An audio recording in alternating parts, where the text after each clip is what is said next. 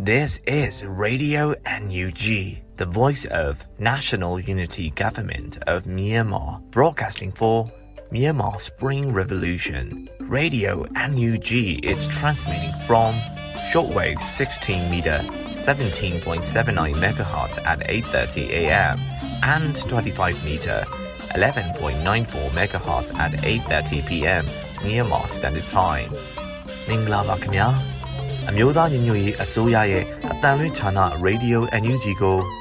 မနက်ပိုင်း၈နာရီခွဲမှာလိုင်းတို16မီတာ7.3 MHz ညပိုင်း၈နာရီခွဲမှာလိုင်းတို25မီတာ17.6 MHz တို့မှာဓာတ်ရိုက်ဖမ်းယူနိုင်စနိုင်ပါပြီမင်္ဂလာအပေါင်းနဲ့ပြည့်စုံကြပါစေ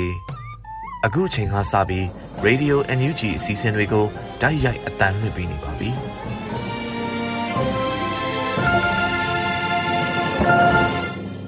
မြန်မာနိုင်ငံသူနိုင်ငံသားအပေါင်းတဘာဝပြီးဆရာနာရှင်ပေတို့ကနေကင်းဝေးပြီးကိုစိတ်နှပါဘေးကင်းလုံခြုံကြပါစေလို့ရေဒီယိုအန်ယူဂျီဖွဲ့သားများကဆုတောင်းမေတ္တာပို့သလာရပါတယ်ရှင်။အခုချိန်ကစပြီးကာကွယ်ရေးဝန်ကြီးဌာနရဲ့စီရေးသတင်းချင်းချုပ်ကိုတော့ຫນွေဦးလင်ကမှဖတ်ကြားတင်ပြပေးပါမယ်ရှင်။ကာကွယ်ဝင်ကြီးဌာနအမျိုးသားညီညွတ်ရေးဆိုရမှထုတ်ဝေတဲ့နိုင်စဉ်စီရေးသတင်းချင်းချုပ်ကိုတင်ဆက်ပေးတော့မှာဖြစ်ပါတယ်။ စစ်ကောင်စီနဲ့တိုက်ပွဲဖြစ်ပွားမှုသတင်းတွေကိုတင်ဆက်ပေးကြပါမယ်။ကချင်ပြည်နယ်မှာမက်လ19ရက်နေ့ကကချင်ပြည်နယ်မြစ်ကြီးနားမြို့နယ်မြစ်ကြီးနားနမတီကားလန်22မိုင်ဂိတ်ကို KIA PDF မှတွားရောက်တိုက်ခိုက်ခဲ့ရာတိုက်ပွဲပြင်းထန်ခဲ့ပြီးစစ်ကောင်စီဘက်မှရဟဲ့ရင်နဲ့လာရောက်ပစ်ကူခဲ့ကထိခိုက်ကြဆုံးမှုမသိရှိရသေးကြောင်းသတင်းရရှိပါရခင်ဗျာမက်လ19ရက်နေ့ကကချင်ပြည်နယ်ဟိုပင်မြို့နယ် နှံရင်ချောင်းနှံမြန်းကျွာနီမှာစစ်ကောင်စီဘက်မှကားလေးစီးနဲ့စစ်ကြောင်းထိုးလာတဲ့အတွက်ကြောင့် KIA PDF တို့နဲ့တိုက်ပွဲပြင်းထန်နေပြီးနှစ်ဖက်ထိခိုက်ကြဆုံးမှုမသိရှိရသေးကြောင်းသတင်းရရှိပါရခင်ဗျာ။ကရင်ပြည်နယ်မှာမက်လ18ရက်နေ့ညပိုင်းမှာ19ရက်နေ့အထိကရင်ပြည်နယ်ကော့ဂရိတ်မြို့နယ်တောင်ပိုင်းအန်ဖာကြီးရဲကင်းစခန်းသို့စစ်အင်အားတူရန်စစ်ကြောင်းထိုးလာတဲ့စစ်ကောင်စီတပ်နေကြားဆောင်တပ် BGF ပူပေါင်းတပ်နဲ့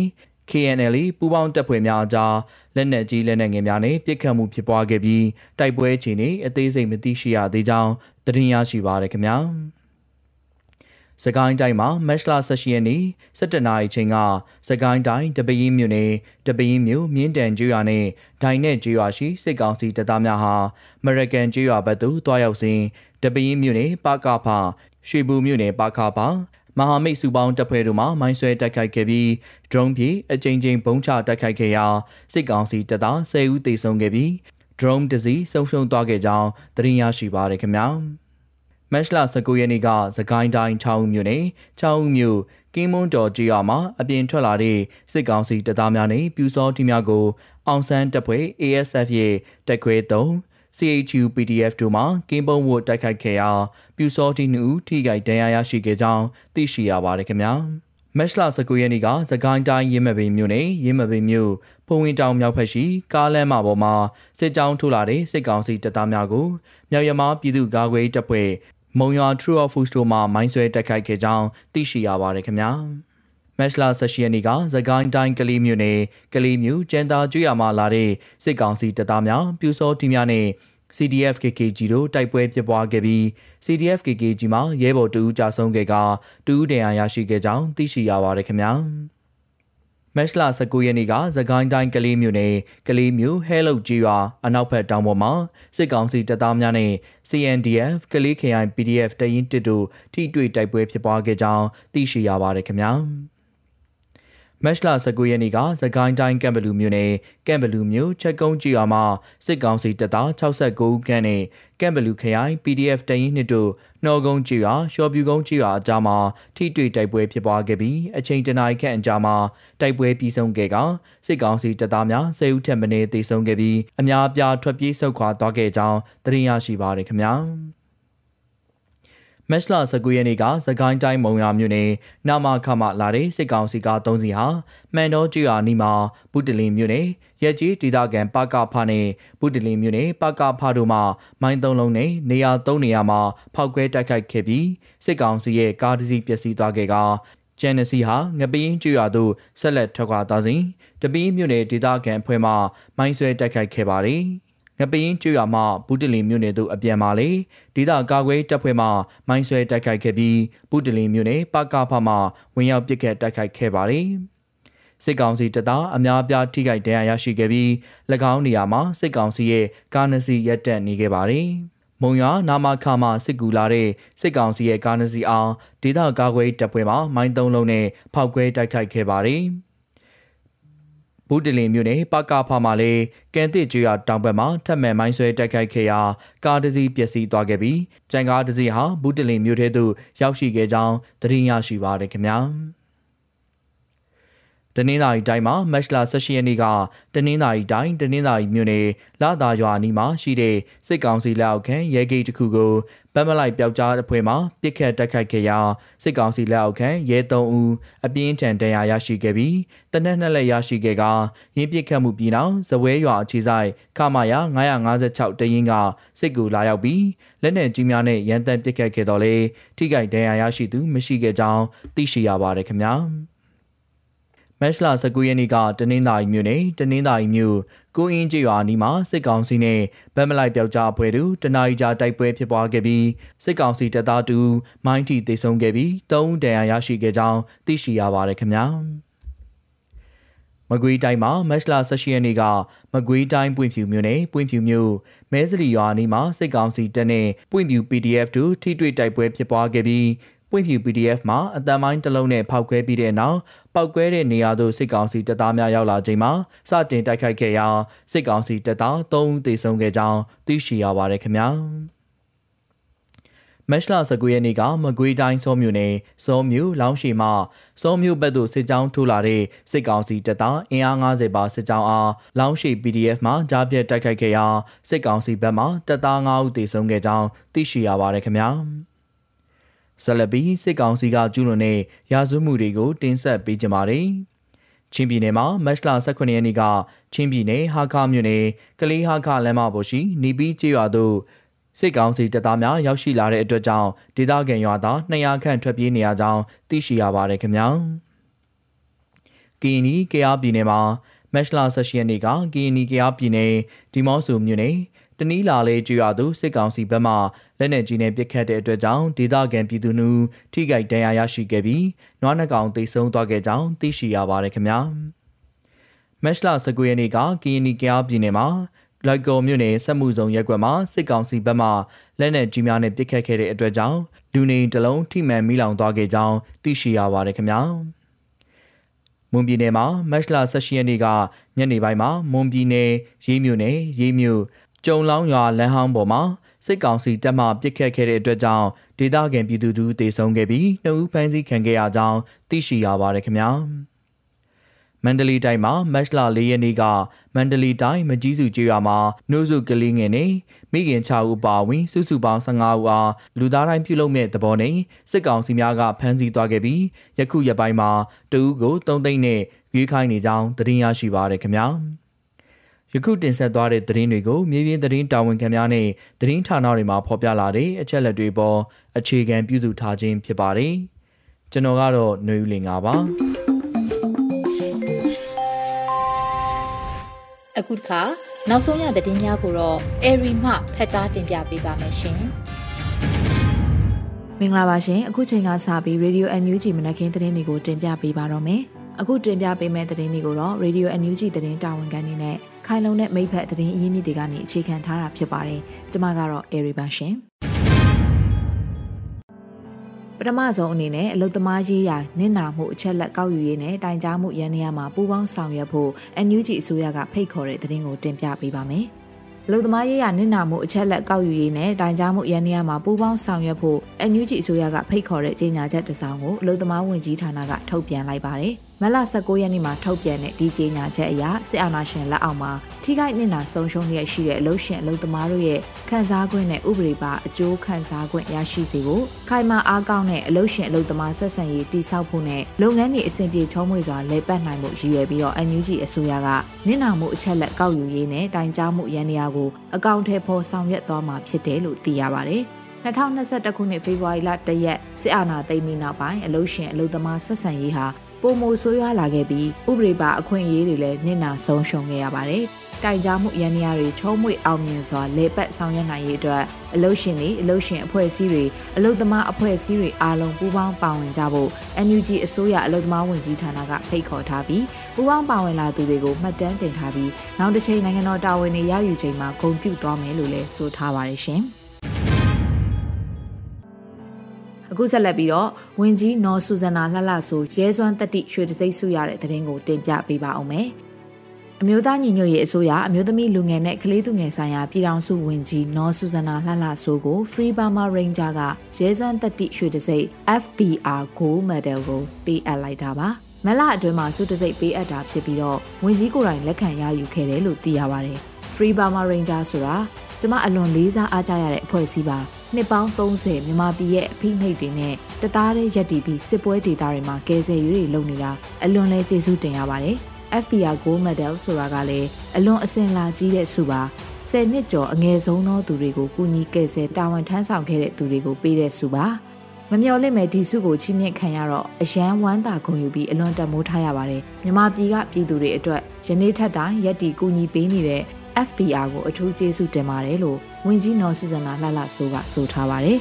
Free Burma Ranger ကနော်စုဇနာလှလှဆိုးအနေနဲ့ခက်ခဲတဲ့အချိန်တွေမှာပြည်သူတွေနဲ့အတူရှိနေပြီးမြန်မာ Federal Democracy တည်ဆောက်မှုမှာရှေ့တန်းကနေရွရွချွန်ချွန်ဆောင်ရွက်နေတဲ့အတွက်ကြောင့်မို့လို့အခုလိုရဲစွမ်းတက်တိရွှေတစိမ့် FBR Gold Medal ကိုချီးမြှင့်ပေးအပ်ခဲ့တာဖြစ်တယ်လို့လည်းဆိုထားပါတယ်ရှင်။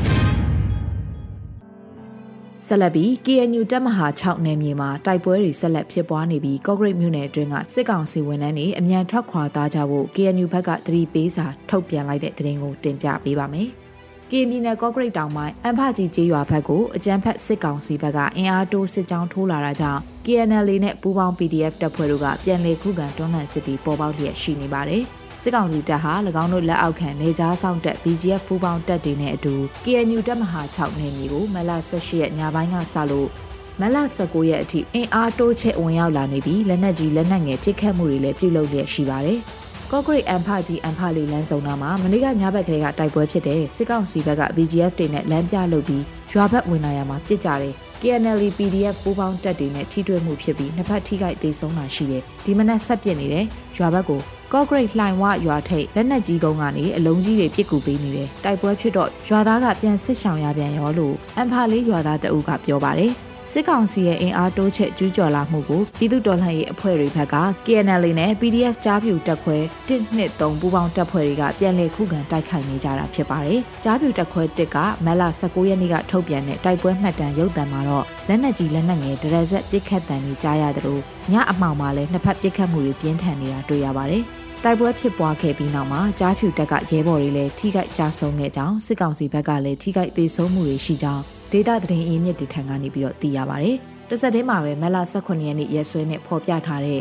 KNU ရဲ့သတိပေးစာထွက်ပေါ်လာခဲ့ပြီးအဲ့ဒီသတိပေးစာမှာ KNL တပ်ရင်း18တပ်ရင်း28တပ်ရင်း103တပ်ရင်း201 KNDO လုံခြုံရေးတပ်ရင်းနဲ့တပ်မဟာခေါင်းဆောင်တွေနှိမ့်နိုင်သဘောတူညီချက်အရ စာထုတ်ပြန်ချိန်ကစလို့စစ်ကောင်စီလက်အောက်တာဝန်ထမ်းဆောင်နေတဲ့ဝန်ထမ်းအားလုံးနှုတ်ထွက်သွားကြဖို့အကြောင်းကြားထားတာလည်းတွေ့ရပါတယ်။ဆက်လက်တာဝန်ထမ်းဆောင်နေမယ်ဆိုရင်အကျိုးဆက်ကိုတာဝန်ယူမှာမဟုတ်ဘူးလို့လည်း KNU ဒူပလာယာခရိုင်ရဲ့ထုတ်ပြန်ချက်မှာရေးသားပါရှိတာတွေ့ရပါတယ်ရှင်။အခုတခါတနင်္သာရီမြို့နယ်ကိုအင်းရွာနီးမှာတိုက်ပွဲဖြစ်ပွားပြီးစစ်ကောင်စီဘက်က3ဦးသေဆုံးတယ်ဆိုတဲ့သတင်းကိုတင်ပြပေးပါမယ်။ တနင်္သာရီမြို့နယ်ကိုအင်းရွာအနီးစစ်ကောင်စီတပ်နဲ့ဗန်မလိုက်ပျောက်ကြားပြည်သူ့ကာကွယ်ရေးအဖွဲ့တို့တိုက်ပွဲဖြစ်ပွားရာမှာစစ်ကောင်စီဘက်က3ဦးသေဆုံးခဲ့တယ်လို့သတင်းရရှိပါတယ်။မလ19ရက်မနက်6နာရီအချိန်မှာတနင်္သာရီမြို့နယ်ကိုအင်းရွာအနီးမှာအပြန်အလှန်ပစ်ခတ်မှုဖြစ်ပွားခဲ့တယ်လို့ဗန်မလိုက်ပျောက်ကြားအဖွဲ့ကဆိုပါတယ်။တနင်္သာရီမြို့နယ်ကိုအင်းရွာအနီးကျွန်တော်တို့ဗမ်မလိုက်ပျောက်ကြားပြည်သူ့ကာကွယ်ရေးအဖွဲ့ကအကြမ်းဖက်စစ်တပ်ကိုတိုက်ခိုက်ခဲ့ရမှာစစ်ကောင်စီတပ်သား3ဦးတည်တဦးဒဏ်ရာရခဲ့ပါတယ်လို့ဆိုပါတယ်။ ဗမ်လိုက်ပျောက်ကြားအဖွဲ့ကထိခိုက်မှုကင်းစွာနဲ့အောင်မြင်စွာအဆုံးသတ်နိုင်ခဲ့တယ်လို့သိရပါတယ်။တိုက်ပွဲဖြစ်ပွားချိန်ဟာမနက်6နာရီကနေ8နာရီထိကြာမြင့်ခဲ့တယ်လို့လည်းသိရပါတယ်ရှင်။ဆက်လက်ပြီးစစ်ကောင်စီတပ်တွေကိုလောင်းရှိ PDF ကစောင့်ကြိုဖြတ်တိုက်ရာစစ်ကောင်စီတပ်ဖွဲ့ဝင်9ဦးသေဆုံးခဲ့တယ်ဆိုတဲ့သတင်းကိုတင်ပြပေးပါမယ်။လောင်းရှိကနေစောကိုထွက်ခွာမဲ့စစ်ကောင်စီတပ်တွေကိုလဘို့တောင်ဖျားအနောက်ဘက်ခြမ်းခင်ကျော်မှာလောင်းရှိ PDF ကစောင့်ကြိုဖြတ်တိုက်ရာစစ်ကောင်စီတပ်ဖွဲ့ဝင်9ဦးသေဆုံးခဲ့တယ်လို့သတင်းရရှိပါဗျ။ မလ19ရက်မနက်9နာရီမှာလောင်းရှည်ကနေစောကိုဥတီထွက်ခွာလာတယ်လို့ယူဆရတဲ့အင်အား90ကျော်ခန့်ရှိတဲ့စစ်ကောင်စီတပ်တွေကိုဖျက်တိုက်ခဲ့တယ်လို့လောင်းရှည်ဒေသပြည်သူ့ကာကွယ်ရေးတပ်ဖွဲ့ကဆိုပါတယ်။လောင်းရှိမှစောသို့ဦးတီထွက်ခွာလာသည်ဟုယူဆရသောအင်အား90ကျော်ခန့်ရှိစစ်ခွေးများသည်မလ19ရက်မနက်6နာရီဝန်းကျင်ခန့်တွင်ခိုးကြောင်ခိုးဝက်စစ်ကြောင်းထွက်လာကြပါသည်။လောင်းရှိမှတင်းခွဲတောင်လဘိုးတောင်တန်းနဲ့တံမယာတောင်ကျောကိုဖျက်၍စောသို့သွားမယ်လို့ယူဆရပါတယ်။ ကျွန်ုပ်တို့ LSR PDF မှ၎င်းစစ်ခွေးတို့လာနိုင်တဲ့လမ်းကြောင်းကိုတွက်ဆနေရာယူပြင်ဆင်ထားရာမနက်9နာရီဝန်းကျင်တွင်လဘိုးတောင်ဖျားအနောက်ဘက်ခြမ်းခင်ကျော၌နှစ်ဖက်ထိတွေ့တိုက်ပွဲဖြစ်ပွားခဲ့တယ်လို့ဆိုပါတယ်။တိုက်ပွဲမှာတစ်ဖက်နဲ့တစ်ဖက်ပေတရာခန့်သာကွာဝေးတာကြောင့်အလွန်ပြင်းထန်ပြီး LSR PDF မှရဲဝံစွန့်စားကလက်ဦးမှုရယူနိုင်သဖြင့်စစ်ကောင်စီတပ်က9ဦးသေဆုံးခဲ့ပါတယ်။ နှစ်ဖက်တိုက်ပွဲထိတွေ့ဖြစ်ပွားချိန်တနအီခန့်ကြာမြင့်ခဲ့ပြီး LSR PDF မှရဲဘော်တွေအထိခိုက်မရှိပြန်လည်ဆုတ်ခွာနိုင်ခဲ့တယ်လို့သတင်းရရှိပါတယ်ရှင်။ဆက်လက်ပြီးအာနာသိမ့်ပြီးနောက်ပိုင်းတိုင်းပြည်အခြေအနေမှန်ကိုဖုံးဖိနိုင်မှုတကြံရေကစားမတ်တက်တိဆောက်ဖို့ရိန်းအဖွဲ့တွေဖွဲ့ဖို့ရေပတ်အဖွဲ့တွေစုစည်းဖို့စစ်ကောင်စီကပြည်내တိုင်းကောင်စီတွေကိုညွှန်ကြားနေတယ်ဆိုတဲ့သတင်းကိုတင်ပြပေးပါမယ်။ စစ်တပ်ကဥပဒေမဲ့အာဏာသိမ်းပြီးနောက်တနှစ်ကျော်ကာလအတွင်းမြန်မာနိုင်ငံဟာအဖက်ဖက်ကနေယူရင်းလျက်ရှိပါတယ်။ဒီအခြေအနေမှာပဲတိုင်းပြည်ဟာပုံမှန်အတိုင်းပြန်လည်လေပတ်ပျော်ရွှင်နေကြပြီဖြစ်တယ်လို့ဟန်ဆောင်ပြသနိုင်မှုအာဏာသိမ်းစစ်ကောင်စီဘက်ကလည်းစူးစမ်းနေကြပါတယ်။မကြခင်ကြောက်ရောက်မဲ့တကြံကာလမှာရင်းအဖွဲ့တွေရေဘက်အဖွဲ့တွေရေကစားမတ်တက်တွေတိစောက်လှုပ်ဆောင်ကြဖို့စစ်ကောင်စီက၎င်းတို့ရဲ့လက်အောက်ခံတိုင်းပြည်နယ်အဖွဲ့အစည်းတွေကိုညွှန်ကြားထားကြောင်းသိရပါတယ်။ စစ်ကောင်စီကတိုင်းနဲ့ပြည်နယ်တွေမှာသက်ဆိုင်ရာဝန်ကြီးဌာနအလိုက်တိုင်းတာဝန်ခံတွေကရင်းကမဲ့အဖွဲ့တွေရေပတ်မဲ့အဖွဲ့တွေရေကစားမဲ့အဖွဲ့တွေကိုဖွဲ့စည်းနိုင်ရေးအတွက်လူစည်းတွေတောင်းခံနေပါတယ်။ညွှန်ကြားစာတွေအတိအကျမထွက်လာသေးပေမဲ့နှုတ်မိန်နေနဲ့ညွှန်ကြားမှုတွေရရှိထားပြီးဖြစ်ကြောင်းနေရာအားလုံးမှာပုံမှန်အတိုင်းပြန်လည်လဲပတ်ပျော်ရွှင်နေပြီဆိုတဲ့ပုံရိပ်နဲ့ကြံကာလစီကားနေပြီဆိုတဲ့ပုံရိပ်ဖြစ်ပေါ်စေရေးဆောင်ရွက်ကြဖို့အမိန်ပေးညွှန်ကြားထားကြောင်းသိရှိရပါတယ်။ သက်ဆိုင်ရာဌာနဆိုင်ရာညွှန်ကြားမှုတွေကမိမိတို့ဌာနတွေကရင်းကမဲ့အဖွဲ့တွေနဲ့ရေးပတ်မဲ့အဖွဲ့တွေတက်စည်ရင်တောင်းထားပါတယ်။သက်ဆိုင်ရာတိုင်းဦးစီးမှုတွေနဲ့ဝန်ထမ်းတွေလည်းစိတ်ညစ်ကြတယ်။တခြားတိုင်းပြည်နယ်တွေမှာလည်းတကြံရင်ကဖို့တောင်းထားတယ်ရေဘက်ခံရေကစားမတ်တက်တွေတိစောက်ဖို့လည်းညွှန်ကြားထားပါတယ်လို့စကိုင်းတိုင်းကဝန်ထမ်းတအုပ်ကအသိပေးပြောကြားခဲ့ပါတယ်ရှင်။ရီယူအန်ယူဂျီရဲ့စီစဉ်တွေကိုဆက်လက်တင်ပြနေပါတယ်။ အခုခါ PPTV ရဲ့နေ့စဉ်သတင်းများကိုတော့ထက်ထက်အင်ဒရာမှဖတ်ကြားတင်ပြပေးပါမယ်ရှင်။ပထမဆုံးတင်ဆက်ပေးမှာကတော့အခွန်ကောက်ခံတာနဲ့မျှဝေသုံးစွဲမှုဆိုင်ရာမူဝါဒတွေအရပြည်내ရဲ့ ERO တွေတိုင်းဒေသကြီးကပအဖတွေနဲ့ပကဖတွေစီယာယီလွှဲပြောင်းပေးတဲ့အမိန့်ကြေညာစာကိုလက်စနဲ့စွမ်းရင်ဝင်ကြီးဌာနကထုတ်ပြန်လိုက်တဲ့ဆိုတဲ့သတင်းမှာ အမျိုးသားညီညွတ်ရေးအစိုးရလျှက်စစ်နဲ့စွမ်းရည်ဝန်ကြီးဌာနကအခွန်ကောက်ခံတာနဲ့မျှဝေသုံးစွဲမှုဆိုင်ရာမူဝါဒတွေအရပြည်내ရဲ့ ERO တွေတိုင်းဒေသကြီးကပြည်သူ့အုပ်ချုပ်ရေးအဖွဲ့နဲ့ပြည်သူ့ကာကွယ်ရေးအဖွဲ့တွေစီယာယီလွှဲပြောင်းပေးတဲ့မိတ်ကျင်ညာစာကိုမတ်လ16ရက်နေ့ရက်စွဲနဲ့ထုတ်ပြန်ကြေညာခဲ့ပါတယ်။ရင်းနှံလက်ရတင်ဆိုင်ရာဥပဒေနဲ့ဤဥပဒေတွေမှာ တိုင်းဒေသကြီးအစိုးရအဖွဲ့ဒါမှမဟုတ်ပြည်내အစိုးရအဖွဲ့ကိုပိုင်အုပ်ချုပ်ခွင့်ရတိုင်းဦးစီးအဖွဲ့ဒါမှမဟုတ်ကိုပိုင်အုပ်ချုပ်ခွင့်ရဒေသဦးစီးအဖွဲ့တို့ကိုရင်းနှံလက်ရက်တွင်တူးဖော်ထုတ်လုပ်တာတိုးလှောင်တာတည်ယူပို့ဆောင်တာချက်လုပ်တာရောင်းချတာတို့နဲ့ဆက်လျင်ပြီးတော့တာဝန်နဲ့လုပ်ပိုင်ခွင့်တွေကိုပေးအပ်ထားတယ်လို့ဖော်ပြထားပါတယ်ရေနံနဲ့ရေနံထွက်ပစ္စည်းဆိုင်ရာဥပဒေအခန်းလေးပုံမှန်၈ပုံမှန်ခွဲကကြီးအရာ ရေနံနဲ့ရေနံထွက်ပစ္စည်းဆိုင်ရာဥပဒေအခန်း၄ပုံမှန်၈ပုံမှန်ခွဲကာကြီးအရရေနံနဲ့ရေနံထွက်ပစ္စည်းတစ်မျိုးမျိုးကိုချက်လုပ်တာဖြတ်တန်းတည်ယူတာပိုက်လိုင်းနဲ့တည်ယူပို့ဆောင်တာဖြန့်ဖြူးရောင်းချတာစစ်ဆေးတာစမ်းသပ်တာတို့နဲ့သက်ဆိုင်တဲ့လိုင်စင်တွေထုတ်ပေးတာကိုလျှက်စစ်နဲ့စွမ်းရည်ဝင်ကြီးဌာနကပြုလုပ်ဖို့ပုံမှန်ကိုအရာရေနံနဲ့ရေနံထွက်ပစ္စည်းတစ်မျိုးမျိုးကိုတည်ဆောင်တဲ့မော်တော်ယာဉ်ရေယာဉ်နဲ့တွဲတွေကိုလိုင်စင်ထုတ်ပေးတာကိုပို့ဆောင်ရေးနဲ့ဆက်သွယ်ရေးဝင်ကြီးဌာနက၎င်း ပုံမှန်30အရာတိုးလောင်ကန်နဲ့တိုးလောင်ရုံးတွေအတွက်တော်လောင်ခွင့်လိုင်စင်ထုတ်ပေးတာကိုတည်ရန်စာတာနဲ့တဘာပတ်ဝန်းကျင်ဝင်ကြီးဌာနတို့ကလှုပ်ဆောင်ပေးနေပါတယ်။တိုင်းဒေသကြီးအစိုးရအဖွဲ့သို့မဟုတ်ပြည်내အစိုးရအဖွဲ့သို့မဟုတ်ကိုပိုင်အုပ်ချုပ်ခွင့်ရတိုင်းဦးစီးအဖွဲ့သို့မဟုတ်ကိုပိုင်အုပ်ချုပ်ခွင့်ရဒေသဦးစီးအဖွဲ့တို့ကိုပေးအပ်ထားတဲ့တာဝန်နဲ့လုပ်ပိုင်ခွင့်တွေကိုဂျာကာလာမှာပြည်내များရှိ ERO တွေနဲ့ တိုင်းဒေသကြီးရှိပြည်သူ့အုပ်ချုပ်ရေးအဖွဲ့ပြည်သူ့ကာကွယ်ရေးအဖွဲ့တွေကိုအဲ့ဒီဥပဒေနဲ့နည်းဥပဒေမှာပေးအပ်ထားတဲ့တာဝန်တွေကိုဆောင်ရွက်နိုင်ဖို့ယာယီတာဝန်လွှဲပြောင်းပေးအပ်ထားတယ်လို့ဖော်ပြထားပါတယ်။ဒါ့အပြင်ကြီးရွာ73စီအယောင်းဆိုင်ရင်းနဲ့ပတ်သက်ပြီး၄ရက်6လ2020ရက်စွဲပါကြီးရွာ73စီဆိုင်လိုင်စင်ဆိုင်ရာအမိတ်အမှတ်3နှစ်ခွန်မြင်းဆောင်2020အရာလိုင်စင်အသစ်လျှောက်ထားခြင်းနဲ့တက်တန်းတိုးခြင်းတွေကိုယာယီရပ်ဆိုင်းခဲ့တယ်လို့ဆိုပါတယ်။ လုံပိုင်ခွင့်တွေကိုပြည်နယ်တွေက ERO တွေတိုင်းဒေသကြီးကပြည်သူ့အုပ်ချုပ်ရေးအဖွဲ့ပြည်သူ့ကာကွယ်ရေးအဖွဲ့တွေဆောင်ရွက်ဖို့ယာယီလွှဲပြောင်းပေးအပ်လိုက်တဲ့ဆိုတာနဲ့အခွန်ကောက်ခံမှုတွေကိုကြားကာလဒေသန္တရအုပ်ချုပ်ရေးဖော်ဆောင်ရမှာအခွန်ကောက်ခံခြင်းနဲ့မျှဝေသုံးစွဲမှုဆိုင်ရာမူဝါဒနဲ့အညီဆောင်ရွက်သွားမှာဖြစ်တယ်လို့လည်းထုတ်ပြန်ချက်မှာဖော်ပြထားတာကိုတွေ့ရပါတယ်။ ဆက်လက်တင်ဆက်ပေးမှာကတော့ one day challenge လှုပ်ရှားမှု6ကြိမ်မြောက်အဖြစ်နဲ့ဒေါ်လာ3သိန်းနဲ့ညီမျှတဲ့ဝန်ငွေကိုအမျိုးသားညီညွတ်ရေးအစိုးရကိုထောက်ပံ့လှူဒန်းခဲ့တဲ့ဆိုတဲ့သတင်းမှာ one day challenge လှုပ်ရှားမှုကနေပြီးတော့အမျိုးသားညီညွတ်ရေးအစိုးရကိုလှူဒန်းလာခဲ့တာဟာအခုဆိုရင်6ကြိမ်မြောက်အဖြစ်နဲ့ဒေါ်လာ3သိန်းနဲ့ညီမျှတဲ့ဝန်ငွေတွေကို match လ18ရက်နေ့ကပေးအပ်လှူဒန်းခဲ့တယ်လို့သတင်းထုတ်ပြန်ပါတယ်။အခုလိုဒေါ်လာ3သိန်းနဲ့ညီမျှတဲ့ဝန်ငွေကိုထောက်ပံ့လှူဒန်းရာအမျိုးသားညီညွတ်ရေးအစိုးရယာယီသမရဒူဝါလက်ရှိလာကထောက်ပံ့ငွေကိုကောင်းစွာလက်ခံရရှိတဲ့အကြောင်းမှတ်တမ်းတင်ဂုဏ်ပြုလွှာကိုမတ်လ16ရက်နေ့မှာပေးအပ်ခဲ့ပါတယ်။ အမျိုးသားညီညွတ်ရေးအစိုးရက one day challenge ထဲဝင်ငွေကိုအခွန်ငွေဖြစ်သတ်မှတ်ပြီးတော့6လတခါအခွန်လက်မှတ်ထုတ်ပေးနေပြီလည်းဖြစ်ပါတယ်။မြန်မာနိုင်ငံမှာအာဏာရှင်စနစ်အပီးတိုင်ချုပ်ငြိမ်းရေးနဲ့ Federal Democracy ပြည်ထောင်စုစနစ်ပေါ်ထွန်းလာရေးတို့အတွက် One Day Challenge လှုပ်ရှားမှုမှာတက်ကြွစွာပူးပေါင်းပါဝင်ကြတဲ့ကိုရီးယားရောက်မြန်မာနိုင်ငံသားတွေကိုအထူးလေးစားဂုဏ်ယူကျေးဇူးတင်တယ်လို့ One Day Challenge လှုပ်ရှားမှုဆိုင်ရာထုတ်ပြန်ချက်မှာဖော်ပြထားပါတယ်။ ဆရာနာသိမ်းမှုစန့်ကျင်ရေးကော်မတီကိုရီးယားကအမျိုးသားညီညွတ်ရေးအစိုးရ NUG ကိုဗန်ဒါရန်မုံငွေထောက်ပံ့တဲ့လှုပ်ရှားမှုကို2021ခုနှစ်ဇူလိုင်လ25ရက်နေ့မှာစတင်ခဲ့တာပါ။လက်ရှိ One Day Challenge လှုပ်ရှားမှုမှာကိုရီးယားရောက်မြန်မာနိုင်ငံသားအဖွဲ့ဝင်1912ဦးရှိပြီးလစဉ်အမျိုးသားညီညွတ်ရေးအစိုးရထံကိုဗန်ဒါရန်ပုံငွေ1,1600တသိန်းကိုထောက်ပံ့နိုင်မှာဖြစ်တယ်လို့ဖော်ပြထားပါတယ်။ ရေဒီယိုအန်ယူဂျီကိုနားတော်တာဆင်နေတဲ့ပရိသတ်များရှင်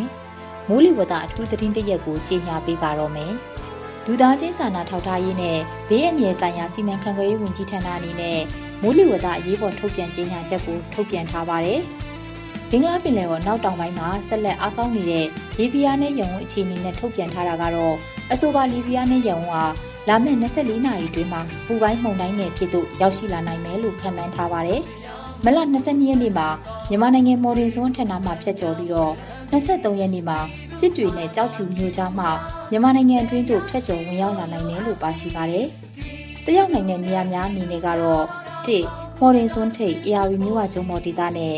2ရခိုင်ကမ်းရိုးတန်းစစ်တွေနဲ့ကြောက်ဖြူမျိုးကြားတို့ဖြစ်ပါတယ်။အပူပိုင်းမုန်တိုင်းငယ်ရဲ့တက်ရောက်နိုင်ခြေရှိတဲ့ကမ်းရိုးတန်းပြည်သူတွေအနေနဲ့လည်းကမ်းဒီကန်ဝီငါဖမ်းခြင်းနဲ့ပင်လယ်ရေပြင်ခရီးသွားလာခြင်းများကိုရှောင်ရှားသင့်ပါတယ်။ကမ်းရိုးတန်းဤမြေနိဒေသတွေမှာနေထိုင်တဲ့ဒေသခံပြည်သူတွေအနေနဲ့အပူပိုင်းမုန်တိုင်းရဲ့အရှိန်ကြောင့်ဒီရေမြင့်တက်လာနိုင်တဲ့အန္တရာယ်ကိုလည်းတတိပြုနေထိုင်သင့်ပါတယ်လို့ထုတ်ပြန်ချက်မှာဖော်ပြထားပါတယ်ရှင်။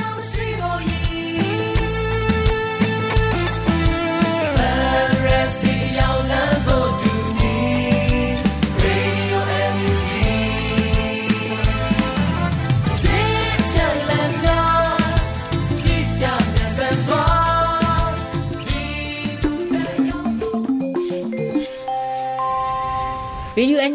ဆက်လက်အသံလွှင့်ပေးနေပါတယ်။အခုဆက်လက်ပြီးတိုင်းသားဘာသာအစီအစဉ်နေနဲ့ချိုးချင်းဘာသာစကားခွဲတစ်ခုဖြစ်တဲ့မွန်ဘာသာဖြင့်သတင်းထုတ်လွှင့်မှုကိုတင်ဆက်ပေးမှာဖြစ်ပါတယ်။ဒီအစီအစဉ်ကို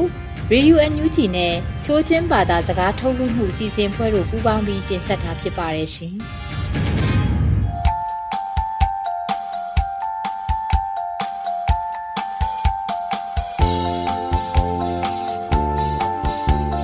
ချိုရီဒီယိုအုံထနာနိမငါလောက်ကဲနုကဖိနာတူနိမရိုင်နောအလုံဝိုင်ကိုကုမ်ထမ်ကူလမ်ကူလီရီမတ်လက်ချာမကုဟုမ်အနုပိပွေရာန်ထူရီမိငိုင်ဘာဝအိုကိနီအတုမမိငိုင်ဘိုင်အောင်ထူရီလေကျူမင်တာမောင်းတော့ခနုခုချာရီတန်ကနောဒုံနဲ့မပီပိုင် CTF မင်တာတန်ကနောထူအောင်ချွနာကအမောင်း CTF မင်တာလာ CTF ဆန်းထန်းနောအန်ဂရစီကောင်စီကုလုံနေကောင်နေရာနာဝဂျီယာအနင်းဒေါ်နန်ထူမင်တာမောင်းတော့ခနာ မြန်မာ Red Cross Society ကြီးအားမြန်မာခုချက်ချင်းနီဦးနော်လွတ်နေခုတ်ချောင်ရရိုင်းတော့နာဒမ်ကင်နာပြီးတော့ပြေကြောင်းသူကမ္ဘလေမောင်ရောအကူကအန်ကရစီကောင်စီလာ CTF ရန်လာကုဒုံကနာအုံးနေကမ္ဘလေမောင်ရောခလုံကခုတ်ချောင်ချောင်စံဖြာရှာတာလမ်တူပါကီဘုံယုံကအမုံအငွဲအုံကွေကြီးအန်သူမြန်မာခုဒီမိုကရေစီလာမှုအစေပါဝိုင်ဖွာအမေရိကန်ခုဒုံကနောဒေါ်လာမီလီယံဖြာလာထုံကိဘလက်ထူခိုင်းနာဘီခိုင်ကြီးအမေရိကန်ခုလှတ်တော့နော်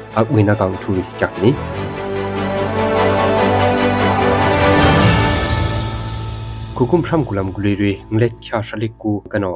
ခုချောင်းရီခနာယုကာနာကီအင်္ဂရိစီကောင်စီယွန်ကာမင်းပါဝိုင်လာမန်ရောခနောအကီခုချောင်းရီဒံကနောမဟွန်ဒံဟင်ခိမ်ဟာအငေါခုံဝဟင်ခိမ်ဟာအကရုံอิบกรงกันอิปุงะกาเมเซบายจีย CTF มินดาตึงกันอเปรนากินิจูเดียมินดาละมาดูบีเซนากะลามุงพีงเลชาชเลกงกันอตุเน ဆဲဆွနာကမိပြီပါဝိုင်လာအောင်ညဒီမရီစီဆဲဆွမ်ဘာနာကအခင်းချုံဖီ CTF မင်တာတန်ကနောပရမ်ဘာခါကြအပရနာအပကိနေအရှင်နာ CTF မင်တာတန်ကနောအပွေရလမ်ရီလုံနေကပိနေအဝိုင်စုံကအယုထိစီနာရီတမမအကြောင်းလောင်ချုံဖီ CTF မင်တာတန်ကနောကကနတုခိုင်ကြမခါနေပရမနာအပကိနေ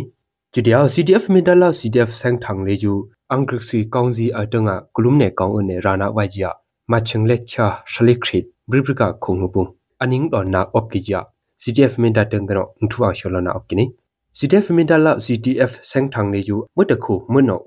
ဂျီယာဒီမိုကရေစီလမ်ရာလောခဒအင်္ဂရိစီကောင်စီရာနာဝိုင်ဂျီယာအရှိရန်ထူအမီချောနကုအော့ကိနေ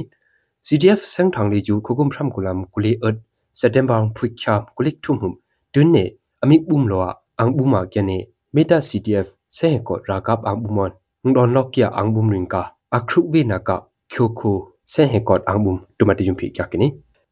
ဂျူတီယာမီဒမန်ရောအကလုံငါမြန်မာခုเจชินิมบุมยมาเรครอสโซไซตี้เลจูเมดามังรองอบกิยาอัมหุพิวคุกชังเรียเพื่อไรรองนาเต็มกินาอบินาอบกิจยาพานาอบกินี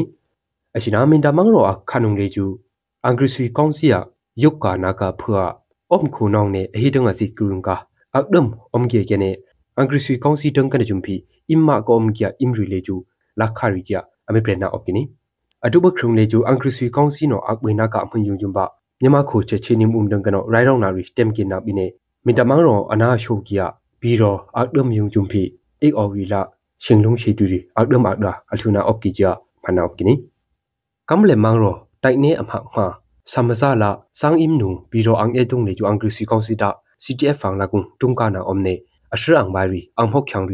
ကရမကရနူနူရီအကဒမ်ပုံယုံငါငကွန်နေမေအမနာအော့ကီဂျီပီဖနောက်ကီနီတွီအေအောင်နာရီကောမ်ကီယာအရှင်မယာပုံယုံငါခုချိုအွန်ဘာယာအခင်းဂျုံဖီဝီအော်နာအွန်လနင်ကီယစီခုချောင်ရအေအောင်နာရီလေဂျူအကဒမ်အတာထူကီဂျီပီကမ်ပလေမန်ရောချက်ချင်းနင်းဘုံဒံကနောထူအချေနာအော့ကီနီ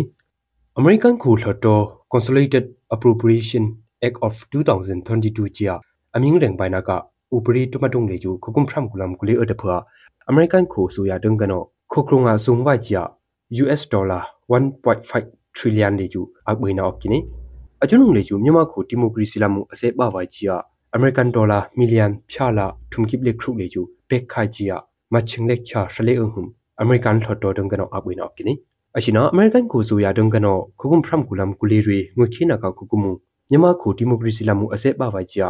US dollar million ဖြာလာထုံကိပလေခရုလေကျူ NUG လာ CRPH CDM လာ EAO ဂျီယာအန်ဘုံအဖဖမ်အမိပိုင်နာဝိုင်အုံခိုင်ဂျီဖီမေပရနောကိနိကျွန်းဒူလန်ပန်းကျွန်းဖီဆဲဟက်ကောနာလာမုံကဆုံဝိုင်ဂျီဖီအရှင်အမေရိကန်ခုဆိုရဒုံကနောအဘွေနောကိနိအမေရိကန်ခုဆိုရဒုံကနောအန်ခိုင်နာကအရှင်ငွေလေးကျူလက်ချရော့လော့ကောတဲ့ကျွန်းပါအမိဘွေနာအုံဂီကစီရာခိုင်ကကမြမခုအန်ဘုံအဖဖဒုံကနေကျွန်းဖီအောက်ရွာဒိုနေဘကီယမောင်လမ်ရီယုံအမေဆုံဘိုင်လှကီကကီဂျီဖီအမေရိကန်ခ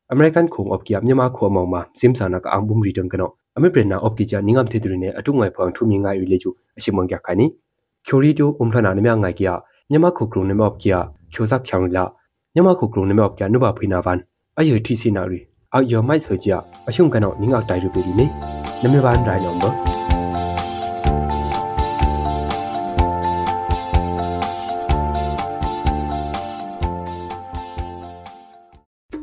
ကတော့ဒီညနေပဲ Radio NUG ရဲ့အစည်းအဝေးတွေကိုခਿੱတရရနိုင်လိုက်ပါမယ်မြန်မာစံတော်ချိန်မနက်၈နာရီခွဲနဲ့ည၈နာရီခွဲအချိန်တွေမှာပပြန်လည်ဆုံးဖြတ်ကြပါစို့ Radio NUG ကိုမနက်ပိုင်း၈နာရီခွဲမှာလိုင်းဒို16မီတာ7.3 MHz ညပိုင်း၈နာရီခွဲမှာလိုင်းဒို25မီတာ17.6 MHz တို့မှာဓာတ်ရိုက်ဖမ်းယူနားဆင်နိုင်ပါပြီမြန်မာနိုင်ငံသူနိုင်ငံသားများကိုယ်စိတ်နှပြကျန်းမာချမ်းသာလို့ဘေးကင်းလုံခြုံကြပါစေလို့ Radio NUG အဖွဲ့သူအဖွဲ့သားများကဆုတောင်းလိုက်ရပါတယ်။အမျိုးသားညီညွတ်ရေးအစိုးရရဲ့စက်သွေးရေးတရင်အချက်အလက်နဲ့ဤပညာဝန်ကြီးဌာနကထုတ်လွှင့်နေတဲ့ Radio NUG ဖြစ်ပါတယ်။ San Francisco Bay Area အခြေစိုက်မြန်မာမိသားစုများနဲ့နိုင်ငံတကာကစေတနာရှင်များလှုပ်အားပေးများရဲ့ Radio NUG ဖြစ်ပါတယ်။အရေးတော်ပုံအောင်ရမည်